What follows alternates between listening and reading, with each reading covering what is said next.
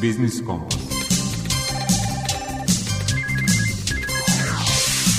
Biznis Kompas.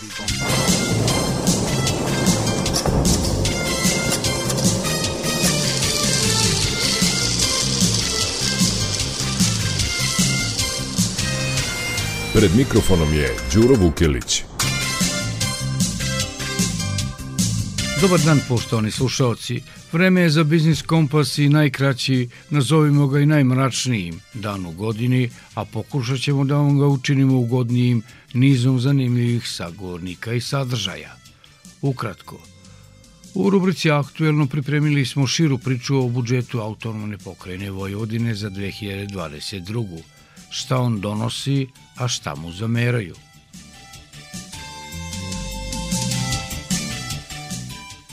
U rubrici iz mog ugla sekretarka Udruženja za drvnu industriju u Privrednoj komori Srbije Nataša Govedarica govori o tome kako je ekspanzija građevinarstva blagotvorno uticala i na niz delova drvne industrije, poput proizvodnje nameštaja, stolarije, parketa –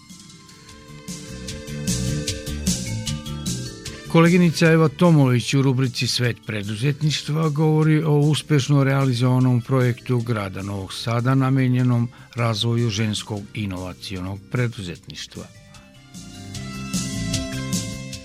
U rubrici Predmet financije, savjetnica za edukaciju korisnika finansijskih usluga u Narodnoj banci Jelena Popović govori o korišćenju platnih kartica stranih banaka u srpskim bankama. Rok za realizaciju zamenskih putovanja odgođen je za godinu dana za januar 2023. O toj temi u rubrici Potrošačka korpa prava govori pravni savjetnik u Udruženju potrošača Vojvodine Mladen Alfirović.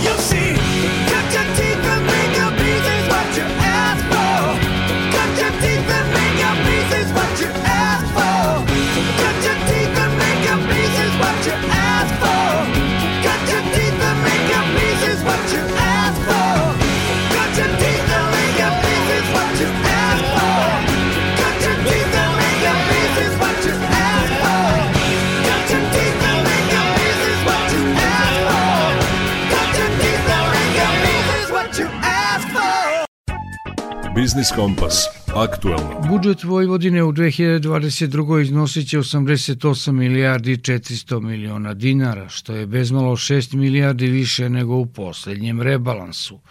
Budžetom je planirani deficit od 7 milijardi i 300 miliona dinara koji će, prema rečima pokrajinske sekretarke za financije Smiljke Jovanović, biti gotovo u celosti pokriven prenetim sredstvima iz ove godine – Jovanovićeva ocenjuje da je i ovaj budžet zadržao trend rasta prihoda iz poslednjih pet godina, a koji su rezultat veće zaposlenosti, rasta zarada i profita preduzeća. Najveći rast u odnosu na početni budžet za 2021. godinu beleži izdvajanje za socijalnu politiku. To je dvostruko veći iznos. Urbanističko planiranje je više nego trostruki iznos, a zdravstvo raste 96%. Kretanje rashoda za zdravstvo je 2016. bilo milijardu 558, sada je 22. 5 milijardi 377. Rashode za socijalnu zaštitu u periodu je od 879 miliona 2016. danas 22. godine planirano milijardu 895. Rashodi kretanja za zaštitu životne sredine, to se najbolje vidi veliki pokazatelj, od 596 miliona 2016. na milijardu 903 miliona 2022. godine.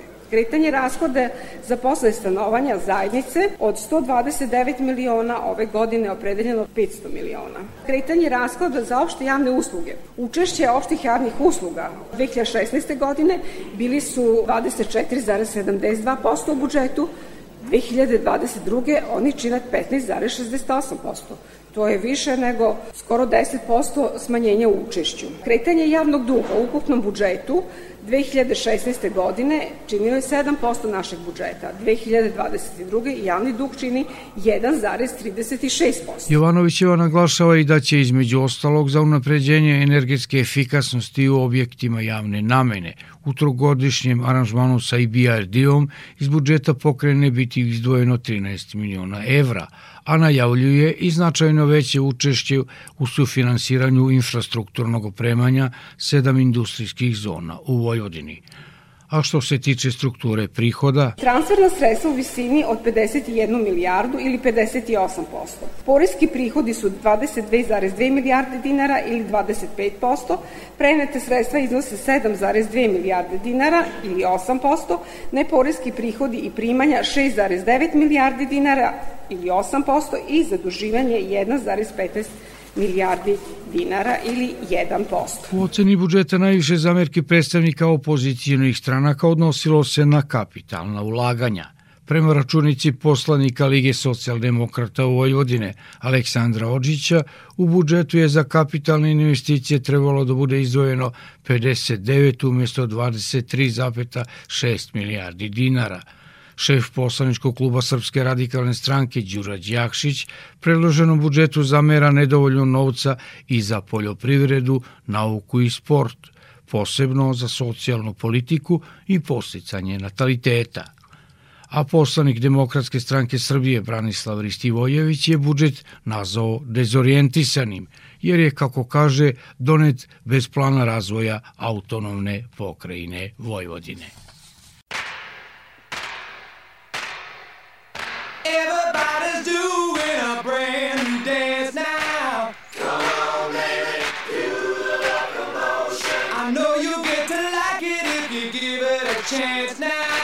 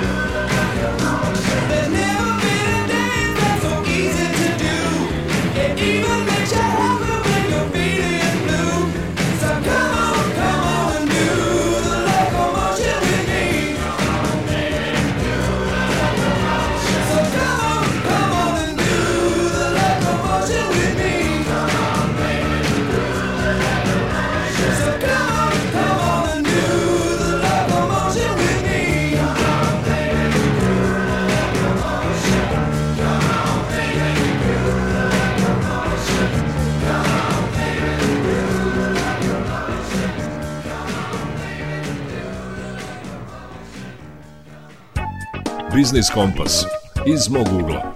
Ekspanzija građevinarstva, posebno stanogradnje, uticala je i na rast mnogih delova drvne industrije, poput proizvodnje nameštaja, stolarije ili parketa.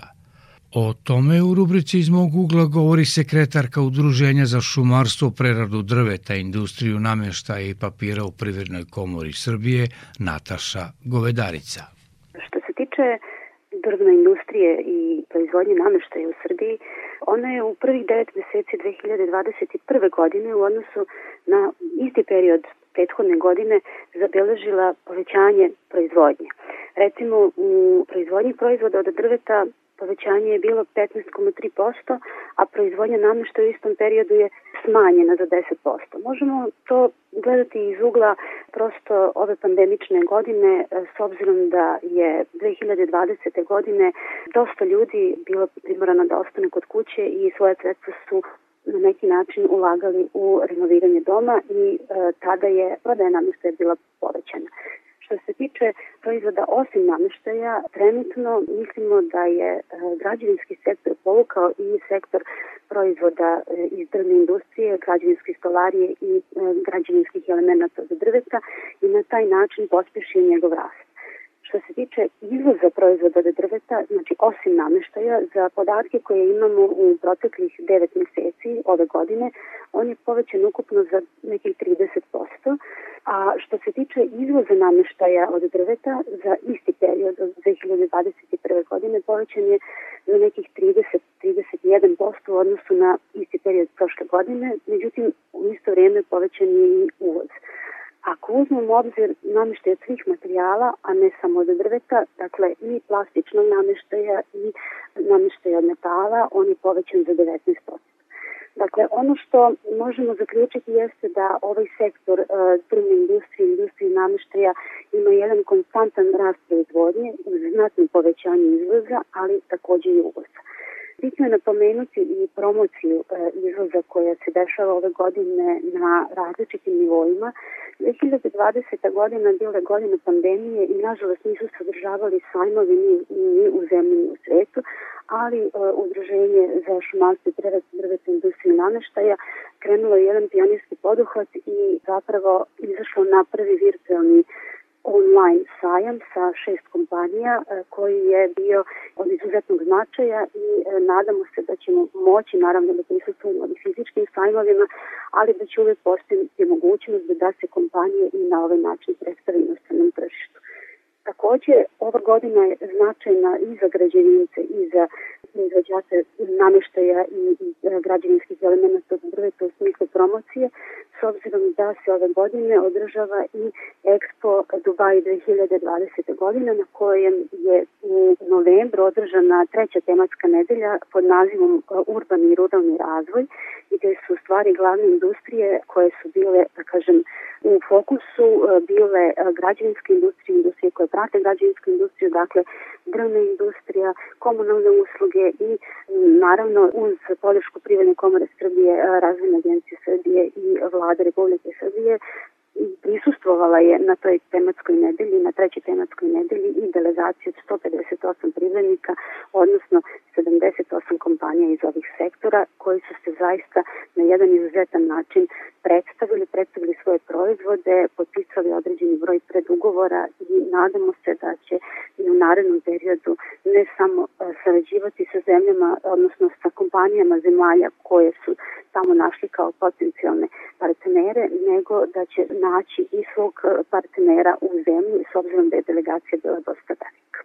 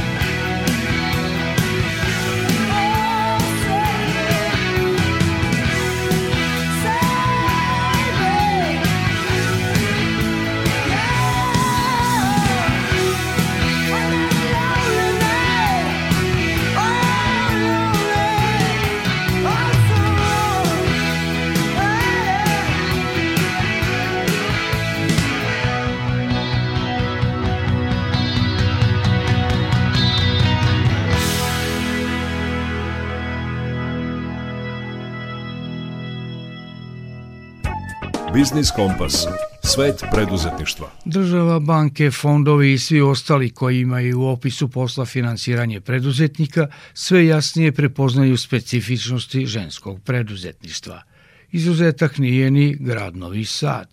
Ovih dana su naime u gradskoj kući uručeni ugovori preduzetnicama koje su ostvarile pravo na bespovratnu finansijsku pomoć za razvoj ženskog inovacijonog preduzetništva. Zabeležila Eva Tomović. Grad je ugovore zaključio sa 23 preduzetnice iz različitih branši, dodeljeno je 6 miliona dinara za unapređivanje njihovog poslovanja. Preduzetnice kažu da im novac mnogo znači. Imam uh, salon lepote. 280.000, uzela sam dve nove stolice za frizera i šamponjeru i ono za čekanje, trosed i masažnu fotelju. Želim da se zahvalim gradu Novom Sadu na ovoj podršci koju nam je dava novim sredstvima koje nam je odvojila kako bismo mogli da unapredimo svoje poslovanje. Sredstva nam mnogo znače, 80% nam pokrivaju troškove za koje smo tražili, znači da ćemo moći naše proizvode da izvozimo na tržište Evropske unije, što nam je do sad otežavalo posao jako smo zadovoljni i zahvalni. Zamenik gradonačelnika Milan Đurić ukazao je na to da neke od prepreka na poslovnom putu više pogađaju žene i da je njima otežan pristup novcu zbog nemogućnosti obezbeđivanja hipoteke, budući da žene najčešće nisu vlasnice nekretnina. Da bi se stvorila povoljna klima za razvoj ženskog preduzetništva, Novi Sad je svojim aktivnostima učinio mnogo toga da bi pre svega barijera nedostatka finansijskih sredstava bila prevaziđena. Kako bi im pomogli da na, svom, na tom svom biznisu ostanu i dalje, a ne da za godinu dana ugase svoje firme, grad je 2018. godine u saradnji sa kabinetom ministra Popovića za inovacije i tehnološki razvoj pokrenuo upravo i ovaj projekat podrške ženskom inovativnom preduzetništvu. Do sada su 133 preduzetnice bespovratno dobila finansijsku pomoć za kupovinu opreme, softvera i uvođenje sistema kvaliteta, a za tu namenu izdvojeno je 39 miliona dinara. Đurić je pozvao preduzetnice da nastave da učestvuju na konkursima jer je razvijen sektor mikro, malih i srednjih preduzeća zajednički interes celokupnog društva.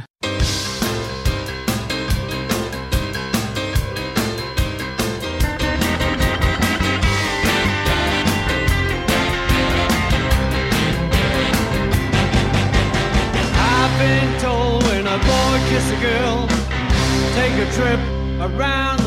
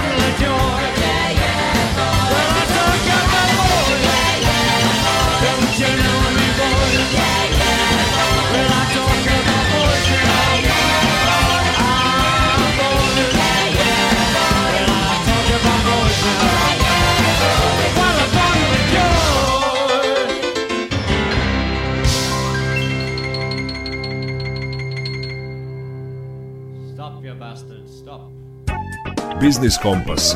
Predmet financije. Vreme je u oči božićnih i novogodišnjih praznika desetine hiljada naših građana zaposlenih u inostranstvu provode u otačbini i neretko koriste platne kartice stranih banaka za finansijske transakcije u našim bankama.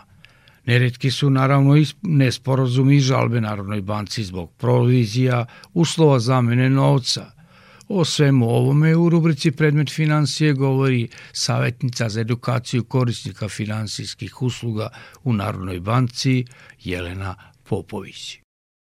Banke shodno svojoj poslovnoj politici određuju naknade za svoje usluge koje moraju biti objavljene u tarifniku naknada, a tarifnik naknada se sačinjiva u zgodu sa opštim uslovima poslovanja svake banke – shodno odredbama zakona o bankama i odredbama zakona o zaštiti korisnika finansijskih usluga, banka je dužna da opšte uslove poslovanja, među kojima je i ova tarifa, kao i njihove izmene i dopune istakne u svojim poslovnim prostorijama na vidnom mestu i to najkasnije 15 dana pre njihove primene.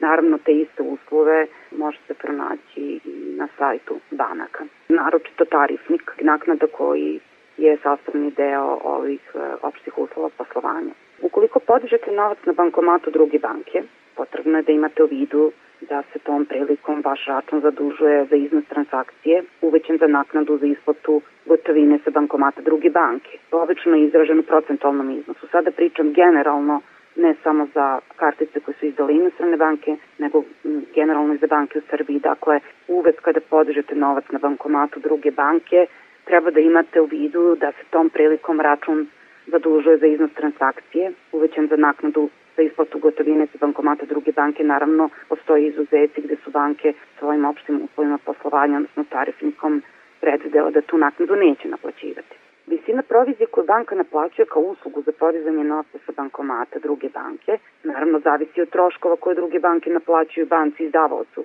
kartice, Osim toga, ako je izdavalac kartice kojom podižete novac sa bankomata izdala strana banka, banka u Srbiji će izvršiti konverziju dinare jer je u skladu sa zakonom zvanično sredstvo plaćanja u Srbiji dinar.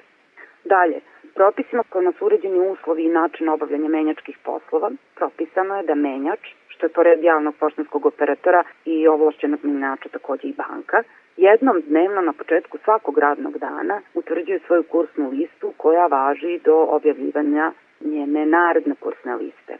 Tim u vezi banke, ovlašćeni menjači i javni poštanski operator vrše kupovinu i prodaju deviza i efektive u rasponu između kupovnog i prodajnog kursa i svojih važećih kursnih listi za devizi i efektivni strani novac.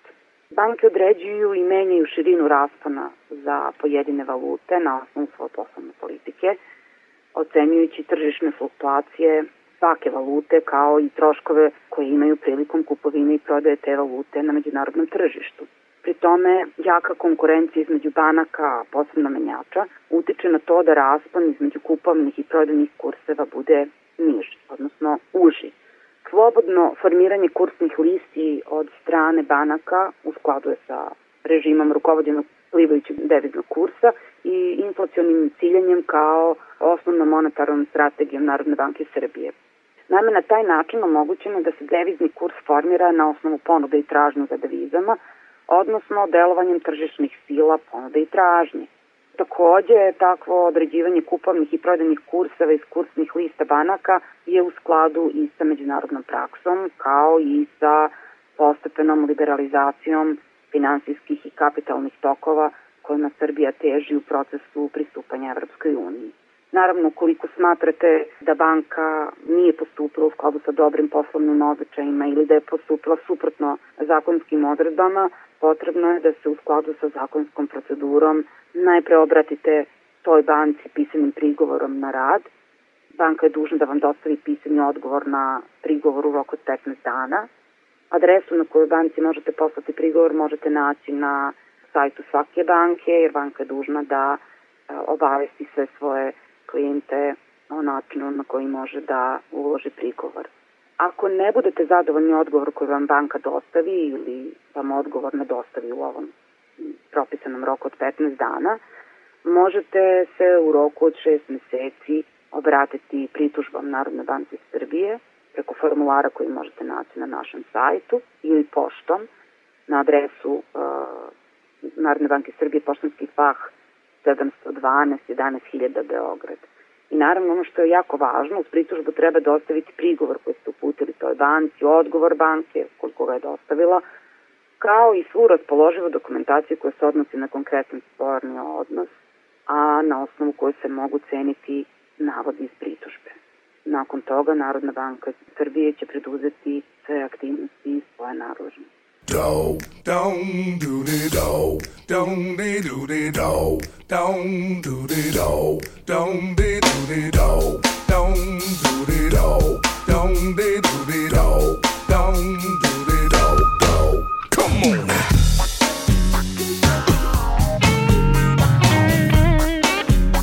Taste. Ham. What you gonna do now? What's never the feeling. Baby, baby, I got the feeling. Ooh. You don't know, honey, what you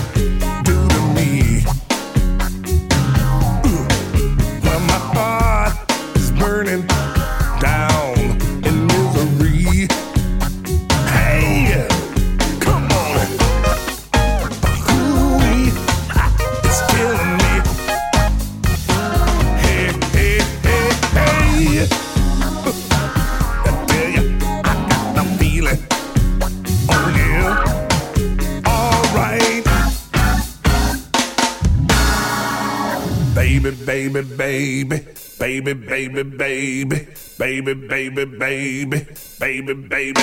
Come on. God. Sometimes I'm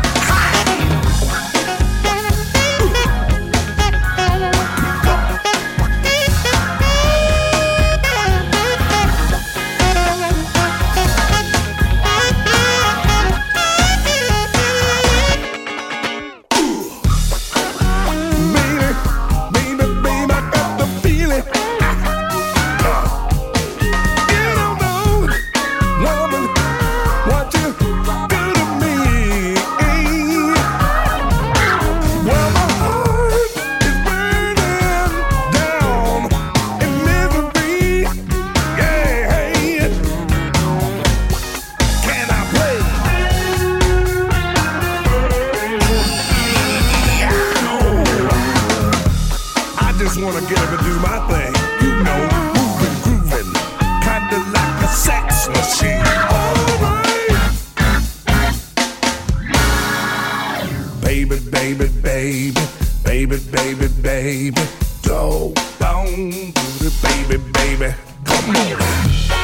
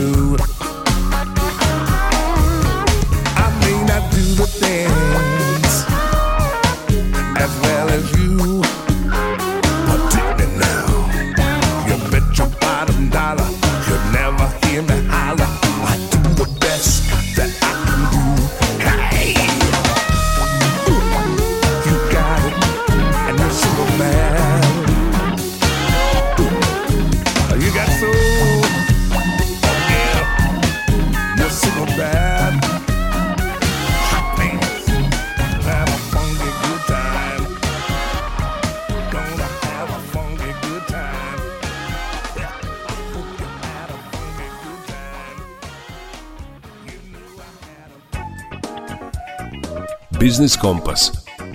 Potrošačka korpa prava. Novom uredbom vlade Srbije rok za realizaciju zamenskih turističkih putovanja pomeren je za godinu dana na januar 2023. Predstavlja li to dodatnu pravnu sigurnost za turističke putnike nevoljnike ili možda novu neizvesnost?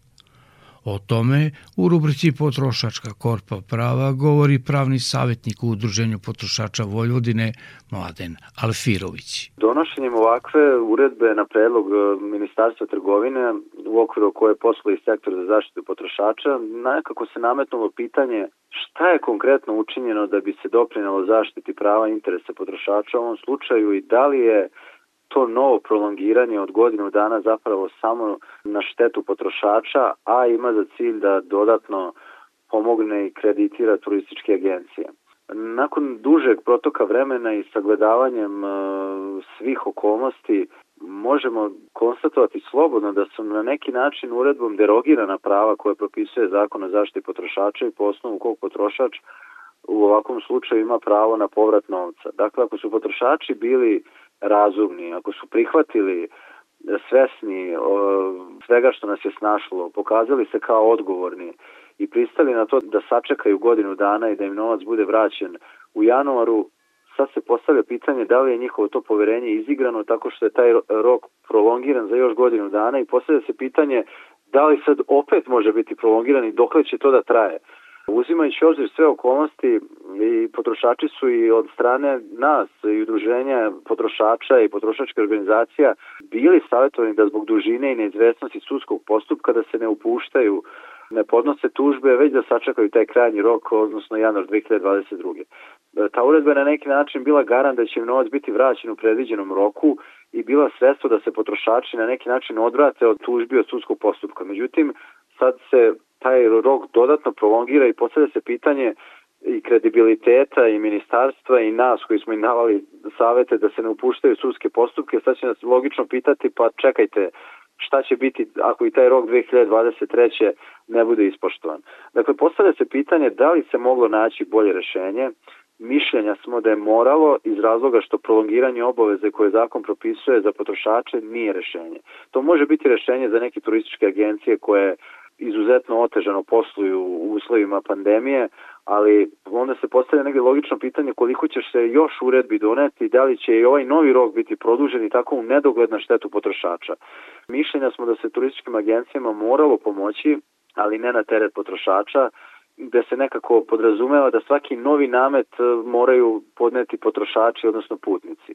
Subvencionisanje ili povoljno kreditiranje agencija koje zaista nisu mogle da da povrate sredstva od hotela gde su sredstva uplaćene u inostranstvu bi bilo neko rešenje, ali konkretna mera kojom bi nadležni taj problem rešili konkretno, a ne samo prolongirali. Međutim, smatramo da se niko na ozbiljan način nije pozabavio kontrolom rada i tokova novca agencija, što je za posledicu imalo gašanje velikog broja istih, a one koje su nastavile da posluju postavlja se pitanje da li njima pomoć uopšte bila potrebna. Dakle, tu je bio neki potpuno neselektivan pristup, donata je uredba gde sve agencije za koje i treba i ne treba je prolongirana ta obaveza da vrate novac putnicima. Nekako se nameće zaključak da je pravna sigurnost donošenjem ovakvih pravnih akata narušena i potrošači ne samo da na ovaj način gube poverenje u turističke agencije, već i celu sektor turizma i nadležne organe koji bi trebalo da vode politiku u cilju zaštite svih aktera u postupku, a ne samo jedne strane koje je u ovom slučaju ekonomski jača, to su svakako turističke agencije. Trenutno jedino što preostaje potrošačima je nada da će svoj novac moći da iskoriste za neki drugi aranžman, da će pronaći neko rešenje, da im taj novac ne propadne, da ipak negde otputuju u narednom periodu. Međutim, ukoliko im je novac zaista neophodan za neke druge stvari, tom novcu će moći da se nadaju u januaru 2023. ili da konačno predstaviju tabak i podnesu tužbu protiv agencije i zahtevaju povraćaj svog novca. Mi ćemo se u narednim danima oglasiti konkretno kad analiziramo novu uredbu i sve njene odredbe. Oglasit ćemo se u smislu da kažemo šta mi mislimo kao potrošačka organizacija, šta je najpametnije da potrošači preduzmu sad u ovoj novoj situaciji koja nas je pomalo zatekla, jer zaista niko nije očekivao da će biti usvojena nova uredba i da će taj rok biti prolongiran za još godinu dana.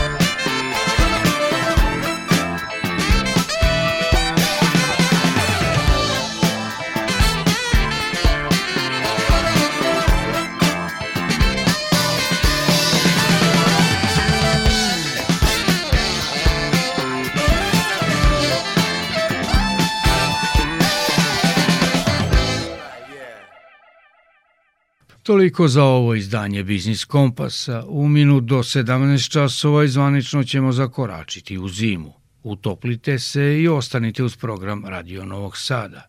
Poručuju vam muzički urednik Zoran Gajinov, tonmajstor Dalibor Vidović i urednik emisije Đuro Vukelić.